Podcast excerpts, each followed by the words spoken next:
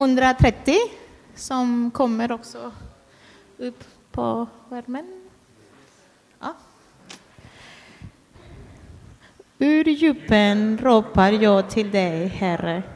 Herre, hör mitt rop. Lyssna till mina böner.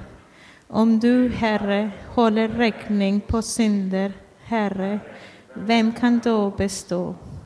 Men hos dig finns förlåtelse och därför fruktar man dig. Jag väntar på Herren. Jag väntar och sätter mitt hopp till hans ord. Jag väntar på Herren mer än väktarna på morgonen. Ja, mer än vaktarna på morgonen. Israel, hoppas på Herren, för hos Herren finns nåd. Hos honom finns full befrielse. Han ska befria Israel från alla deras synder. Amen.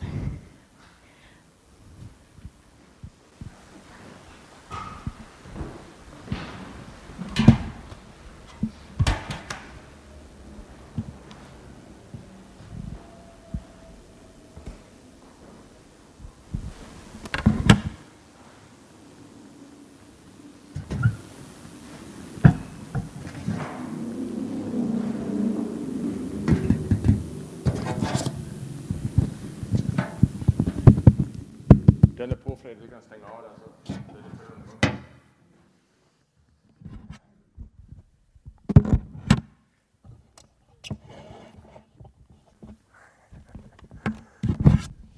Jag har mina jag har mina procedurer, men det är viktigt. Man får det som man vill ha det, eller hur? Vad härligt att du är här! Underbart att få fira gudstjänst med dig. Jag har redan haft en gudstjänst idag faktiskt ute på klipporna, en eh, familjegudstjänst med barnvälsignelse och sådär, så det här blir min andra gudstjänst. Eh, superfint. Eh, låt mig bara börja med att samla mig själv och tillsammans med er samla våra hjärtan inför Guds ord. Herre, tack för ditt ord som vi vet är levande och verksamt. Tack för det, den salmen som vi har fått be tillsammans nu inför dig, som vi har fått läsa och be tillsammans. Jag ber att den ska få tala in i våra liv den här söndagen, Herre. Tack att den ska få bygga oss i vår tro, så att tro får ta plats och hjärtat får kraft, så att vi kan tjäna dig och leva för dig i den här världen och följa dig, Jesus Kristus. Amen. Vi eh, kallar ju den här serien för Songs of Jesus, Jesu sånger. Och det gör vi eftersom att Saltaren eh, var Jesus sång och bönebok. Men eh, du kanske har vuxit upp med segertoner eller psalmboken. Jesus växte upp med Saltaren. eh, som han fick be och han lärde sig från barnsben att be och sjunga Saltaren. Jesus bad, jag är helt övertygad om det, att han bad fria böner. Vi vet att han bad fria böner, böner som liksom bara sprang ut från hjärtat. Eh, Men han bad också under hela sitt liv Saltarens texter. Och Saltaren är en otrolig skatt för oss. Inte bara det att vi får ta del av böner som Jesus har bett. Vi vet att när vi ber de här så ber vi böner som Jesus har bett. Det är ju stort i sig. Men också att vi får göra dessa texter, dessa böner också till våra böner. Det är liksom inte bara, ja, det blir jag som Jesus, utan det blir våra böner. Vi får bli ett med dem och be dessa texter. Och ibland så är det härligt att känna frihet i bönen. Bara känna, liksom, jag kan bara liksom be och bara uttrycka mig och bara, liksom bara eh, det flödar av ord och tankar och idéer som man vill komma inför Gud med. Men ibland är det ljuvligt att bara få bli buren av redan formulerade ord och böner och få komma med dem inför Gud. Saltaren har på det sättet varit kyrkans bönebok genom alla tider. Eh, och idag, tyvärr på ett sätt, eller på många sätt, så har med liksom den moderna kyrkan så har den ofta fått alldeles för lite utrymme. Och ofta så citerar man liksom bara någon peppig psalm eller liksom några verser från någon peppig psalm liksom för att få folk att kom igen nu, nu ska vi lovsjunga. Precis som Saltaren säger att allt som anda har prisa Herren. Och det är underbart och, och jag tror att också så, så kan Saltaren användas för att kalla oss till tillbedjan. Så det är en viktig del av den. Men Saltaren är och rymmer så mycket mer än så. Det är en bönebok som väver in hela livet. Mörker, ljus, glädje, sorg, ångest, smärta, lidande men också glädje, längtan och hopp. Bönerna sträcker sig från desperationens botten upp till tacksamhetens höjder. Från längtan, Gud, var är du? till en mättnad av Guds närhet.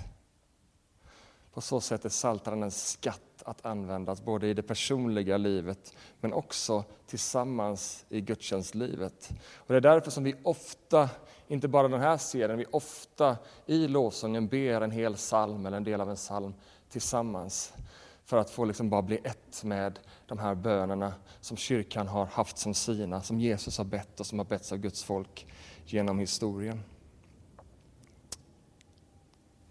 Så Saltaren är en skatt att använda i bönelivet. Men Saltaren är också tänkt, tror jag, som en bok för att lära oss att be. Precis som Herrens bön, ni vet vår Fader, du som är i himlen. Min fyra, fem år, hon är min femåriga dotter sa häromdagen, den är så lätt att lära sig den bönen, kan vi be den bönen, vår Fader? Den är så lätt, man kan den på en gång. ja, det är underbart.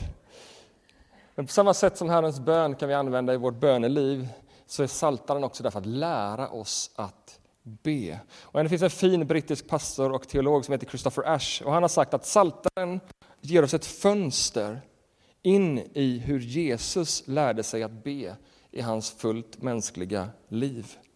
Och salmerna visar hur vi kan be med dem när Anden leder oss att be och lovprisa. Saltarna leder oss in och tillsammans med den helige Ande så leds vi in att använda dessa orden för att tillbe och lovprisa. Men salt, saltaren och psalmerna kommer också berika ditt eget bönespråk så att när du ber fria böner så kommer de här saltarna att prägla och utveckla ditt sätt att be. kommer berika också vilken typ av böner du ber. Jag tror att faktiskt att, när, när, att du är betydligt mer religiös i dina böner än vad salmen är. Jag tror att du liksom har ett betydligt mer återhållsamt språk eh, än vad eh, psalmerna har. Har vi någon som kan sätta sig och tolka för våra underbara koreaner eh, så vore det fantastiskt. De behöver någon, inte till koreanska utan någon som sätter sig jämte dem och tolkar till engelska. Är det någon som eh, kan göra detta? Är det så? Underbart. Tack. Eh, men psalmerna döljer ingenting, de håller inte tillbaka. Utan det är liksom bara rätt ut utifrån hjärtat. Eh, och jag tror att kanske psalmerna också kan hjälpa dig att våga sätta ord på längtan och på frustration som du förut kanske har duckat för i dina egna böner. Och våga säga som det är. För ska vi vara ärliga, ibland så känns det Gud, var är du? Och då ber vi den bönen, det vet vi, den har betts förut. Och då kan vi få göra de orden också till våra i bön och längtan. Idag har vi läst psalm 130 tillsammans. Och den är en av Saltarens många bekännelse och omvändelsesalmer. Och vi har ju sagt nu då att Jesus bad Saltaren och då kan man undra varför i hela världen behövde Jesus be omvändelse och bekännelsesalmen? Vad hade han att omvända sig ifrån?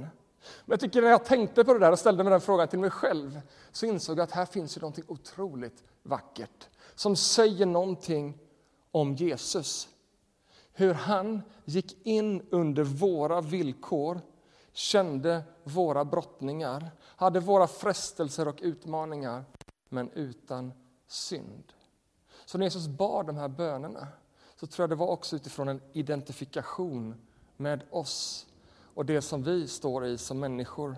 Han ställde sig i dina och mina skor. Han identifierade sig med dig och mig och bad dessa böner. Men också så tror jag att han bad de här bönerna med insikten att de också handlade om honom. Därför att hela skriften handlar om honom, säger Jesus.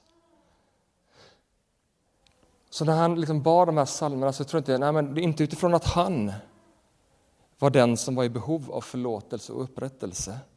men att han är den som kommer med förlåtelse och upprättelse. Vilken spännande dubbelhet när Jesus har bett de här bönerna. I sin mänsklighet identifierade han sig med oss samtidigt som han i sin gudomlighet var svaret på dessa böner och denna längtan. Han är i sin kropp skärningspunkten mellan världens behov och Guds respons. Så att vi efter korset kan be dessa böner med en förnyad intensitet och med en visshet att han vet precis, han har identifierat sig med oss. Han vet precis vad vi ber om och vad vi behöver. För han känner oss och han kan komma oss till mötes. Psalm 130. Ur djupen ropar jag till dig. Ur djupen, ur mitt innersta ropar jag till dig. Och det här ordvalet som du hör, djupen, refererar till djupa vatten. Och vi vet inte om det var David som skrev eller om det var Esra eller någon annan som skrev eh, den här, just den här salmen. Men oavsett vad så ropar författaren ur djupen, inte ur språkvalet visar att det inte liksom är liksom ur någon form av passion och inspiration och liksom glädjerop. Utan snarare ur hjärtats desperation. Ordvalet indikerar ett rop utifrån djup förtvivlan. Ett rop ur ångest och smärta, ur mörka djupen. Och då ska vi komma ihåg att det här är en lovsång, det är en vallfartssång, det är en sång inför Gud, en bön inför Gud, en tonsatt bön, en sång att sjungas inför Gud. Och det lär oss någonting redan här i början om ärlighet. Ibland kan vi få för oss, åtminstone jag, att om Gud ska bry sig om mina böner, då måste jag på något sätt påminna honom om liksom min förträfflighet. Då måste jag påminna honom om att, ja, så Gud, den här veckan har jag ju liksom eh, jag har varit rätt så bra kristen och haft ordning på sakerna. Så här kommer jag med min förfrågan inför dig. Och även om jag inte kanske säger så inför Gud så kan jag ofta tänka så inför mig själv. Ja, men det har ju varit rätt okej. Okay. Bra, då kan jag be. Då kan jag känna mig frimodig i min bön här. Men salmisten döljer inte sitt läge inför Gud. Tvärtom så börjar han sin lovsång precis där han är i livet. Och David, och det vet vi att han skrev psalm 69, David, han uttrycker sig liknande i psalm 69. Rädda mig Gud, för vattnet står mig upp till halsen. Djupare och djupare sjunker jag ner i dyn. Jag saknar fotfäste. Jag har kommit ut på djupt vatten och floden sveper över mig. Rädda mig. Har du ibland känt så? Kanske känner du så just här idag. Du kanske till och med tvekar om du skulle komma hit idag utifrån smärta som du bär på. Vattnet, utmaningarna, tvivlen, ångesten, smärtan, problemen, oron, begären, frestelserna, ovissheten står dig upp i halsen och det känns som det sköljer våg över våg och livet överväldigar dig. Det finns någonting som har börjat störa mig mer och mer, som vi ofta uttrycker oss lite slarvigt i våra kyrkor. Välkomna hit på gudstjänst! Nu lämnar vi våra bekymmer bakom oss, lämnar veckans problem, nu lämnar vi det som har varit och så ska vi ta en stund och lovsjunga Gud. Jag kan ju förstå vad man menar och jag har ju säkert själv sagt det där. Men underförstått blir det liksom lite grann att ja, men nu sätter vi livet på paus. Nu lämnar vi allt jobbigt här och kommer inför Gud. Och, eh, jag tror att David och psalmisten här i psalm 130 lär oss ett helt annat sätt att inte sätta livet på paus, utan att komma som vi är, där vi är, med allt som vi är och allt vi står i inför Gud. Jag tror att Paulus menar något liknande när han säger i Romarbrevet 12 och 1 att vi ska frambära oss själva som ett levande offer. Frambär inte en fake frambär inte ett, en idealbild av ditt liv. Kom som du är. Jesus säger i Matteus 11.28 Kom till mig. Vilka? Alla som bara är happy-clappy. Nej, kom till mig. Alla ni som är tyngda av bördor. Och jag ska skänka er vila. Han säger inte lämna era bördor åt sidan ett tag och kom till mig och ha en liten god stund, ska vi gulla lite granna. Konsekvensen är att när du är färdig med gullet så får du ta på dig de där bördorna igen. Kommer du tillbaka i verkligheten igen. David och salmisten kom i sin förtvivlan, med sin förtvivlan inför Gud. Ur djupen ropar jag till dig. Jag skulle vilja säga att en kyrka, en gudstjänst, en liturgi där vi behöver lägga bort våra brottningar innan vi kommer inför Gud. Där smärta inte passar in, det bygger inte rätt stämning. Det är en kyrka som har hamnat långt ifrån den spiritualitet som Saltaren målar och långt ifrån Jesu inbjudan. Kom till mig, alla ni som bär på tunga, tunga bördor. Alla ni som är krossade av livet, kom och jag ska skänka er vila. Jag tror på en kyrka som håller för hela livet. Jag tror på en kyrka där hela ditt liv kan rymmas. Glädje, framgång, men också smärta, lidande och brottning. En kyrka som inte är chockad över hur läget kan vara i våra liv ibland. Men som i allt tror. Som i allt hoppas. Som aldrig ger upp. Utan hur djupt det än är så stiger vårt rop till Gud varifrån all hjälp finns att få. Det finns en filosof, amerikansk filosof och teolog som heter Nicholas Wolterstorff och han har sagt så här, och jag gillar att det har haft med mig under många, många år. När vi samlas som kyrka tar vi med oss lovprisning. Vi tar med oss omvändelsens aska och förtvivlans tårar från och för våra trossyskons vägnar, för våra grannar, våra kollegor och för vår stad inför Gud i lovsång. Wow! Vi lämnar inte, vi tar med oss lovprisning, glädje, men också askan och smärtan. Och inte bara från vårt eget liv, utan det vi har mött av grannars liv som också är i kras, grannar som har kollegor som har uttryckt sin smärta, sitt lidande. Också det tar vi med oss inför Gud. Bärandes av människor som vi har mött under veckan. Saker vi har fångat upp.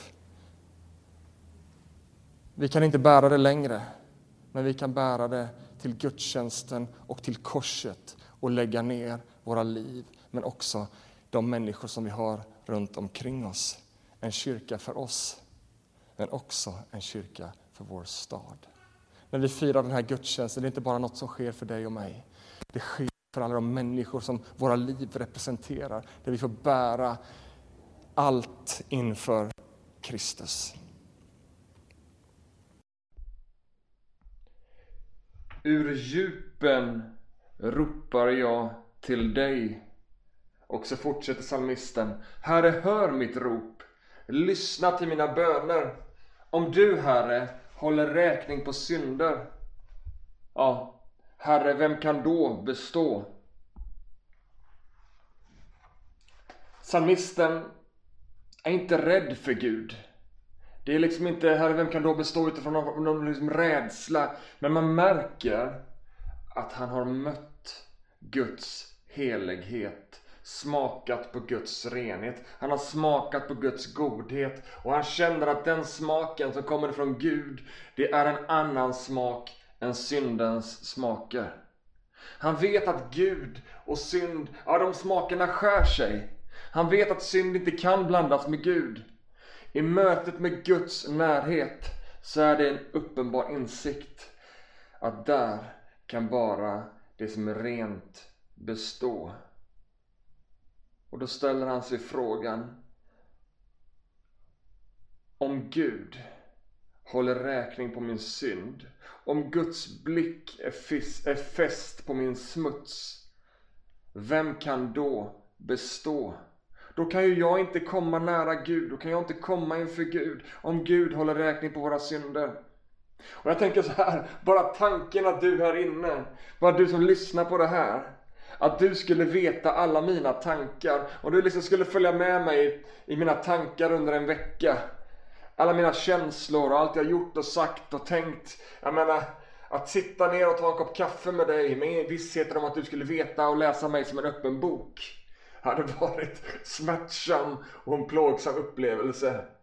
Även om jag vet att det hade säkert varit likadant för dig om det hade varit omvänt.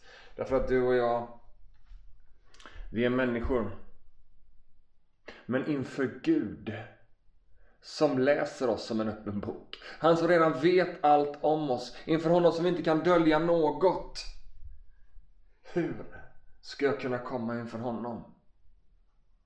Men då behöver vi veta vem Gud är och hur Gud är. Vi behöver känna Gud på riktigt och vara övertygade om hur och vem han är. Och vi har en Gud, vilket vi ser också i denna salmen när vi fortsätter att läsa, att vi har en Gud som inte stirrar sig blind på din och min synd. Vi har en Gud som inte stirrar sig blind på våra brister. Vet du vad? Det intresserar honom inte. Men det finns någonting som intresserar Gud. Och det är att förlåta, att visa nåd, att befria, upprätta, hela och föra ut i frihet. Så därför, när psalmisten har ställt frågan Herre, vem kan då bestå? Så fortsätter han, vers 4. Men hos dig Gud finns förlåtelse. Men hos dig finns förlåtelse och därför fruktar man dig. Och jag tror, om vi tänker oss in i Jesus situation som säkerligen har bett den här bönen och liknande böner. Och jag tror att när Jesus bad den här bönen så tror jag att han för sin inre människa såg korset framför sig. Jag tror att han såg den frihet, han såg den glädje och han såg den renhet som skulle bli vår när all vår skuld blev lagd på honom. Identifikation, identifieringen. Han såg, wow, tänk när, när mitt folk genom alla tider ska be den här bönen och bara veta att jag har burit deras synd, därför finns förlåtelse. Jag vill säga som så här att en Gud som blundar för synden, en Gud som duckar för synd, det är inte mycket till Gud. Men en Gud som förlåter synd, det är en Gud att prata om. Därför fruktar man dig, säger psalmisten, för att du förlåter, för att hos dig finns förlåtelse. Därför fruktar vi dig. Därför är du värd att tala om. Därför att du inte skärmar dig från människan, du inte blundar från synden, du inte ignorerar och håller dig borta eller liksom du inte beblandar dig med synden på ett felaktigt sätt. Du smutsar inte ner din helighet, nej, nej, nej. Du tar tag i synden så att du kan förlåta oss synd. Därför är Gud värd att tala om, därför är Gud värd att frukta.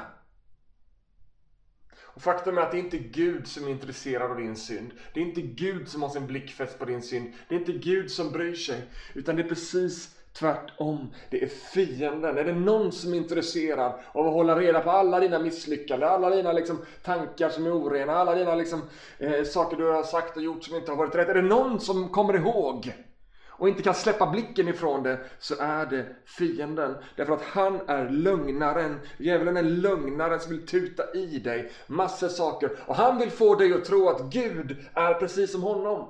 Han vill tro, få dig att tro att Gud inte släpper blicken från synden. Han vill få dig att tro att Gud har minst koll, minsann koll på alltihopa och liksom, eh, det är liksom, att det stör honom hela tiden. Men sanningen är att Gud är full av nåd. Gud är inte intresserad av dina misslyckanden. Han är intresserad av din upprättelse. Han är inte intresserad av allt det som ligger bakom. Det är förlåtet. Men han är intresserad av din framtid. Lyssna vad Gud som är full av nåd säger. Jesaja 43 25. Jag är den som utplånar dina brott för min egen skull och dina synder minns jag inte mer. Och så har vi Hebreerbrevet 10 och 17. Nya testamentet. Korset ligger bakom. Jag ska aldrig mer komma ihåg deras synd.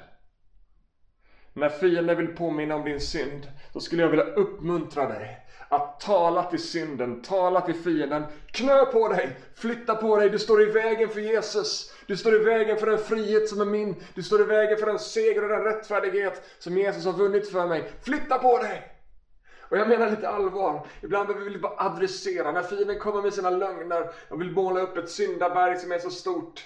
Då vill jag säga till dig som har tagit emot Jesus Kristus. Tala till fienden, tala till synden, flytta på dig. Därför att jag har min blick fäst på Jesus Kristus. Hebreerbrevet, samma sammanhang, där det står talas om att Jesus inte mer, Gud inte ska komma ihåg våran synd. Så står det i samma sammanhang i Hebreerbrevet kapitel 10 att, att, att anden vill påminna oss om detta.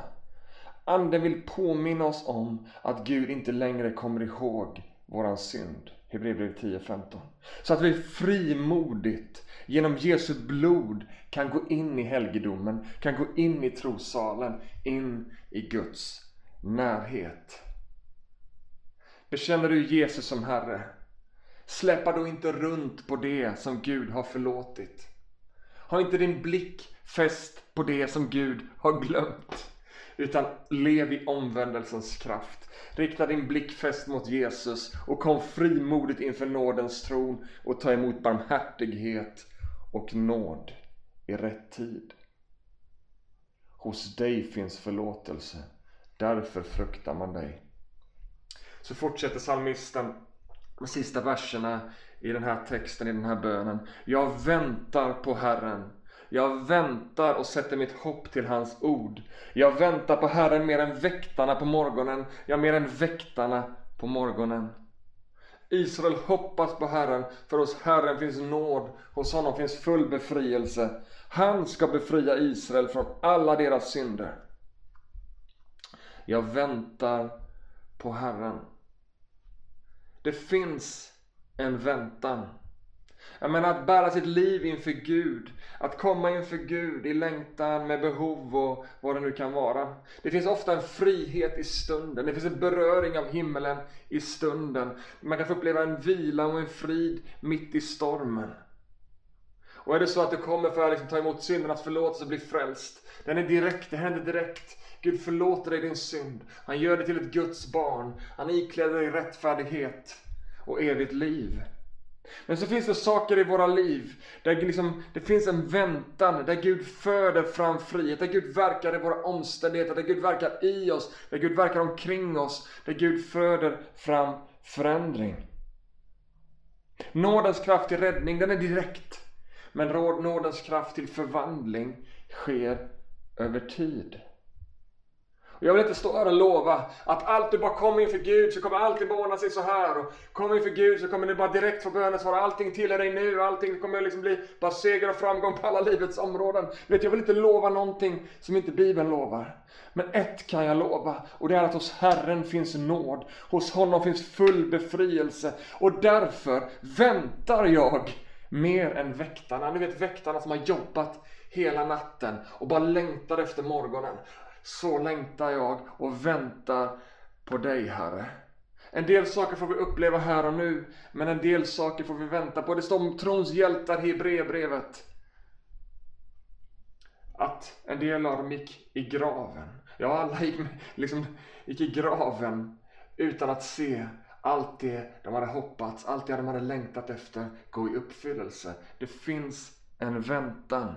Det finns massor, jag vill också säga det samtidigt, det finns massor att uppleva av Gud i nuet. Det finns massor av Guds beröring, det finns massor av Guds tilltal, ledning, Guds ingripande till helande, upprättelse och förvandling som sker nu och här, som sker i det här livet. Men det finns också saker som vi får vänta på, som kanske kommer infrias imorgon, nästa vecka, om en månad, om ett halvår, om tio år, om 50 år, eller ja, kanske till och med i evigheten. Det finns en väntan. Men vi väntar inte förgäves. Utan vi väntar rotade i hoppet. Hoppet till hans ord. Hoppet att hans rättvisa ska segra. Och vårt hopp är att uppståndelsen väntar oss efter döden. Vårt hopp är till Herren. Salmens författare lär oss att vänta. Jag har mer än väktarna att vänta på morgonen.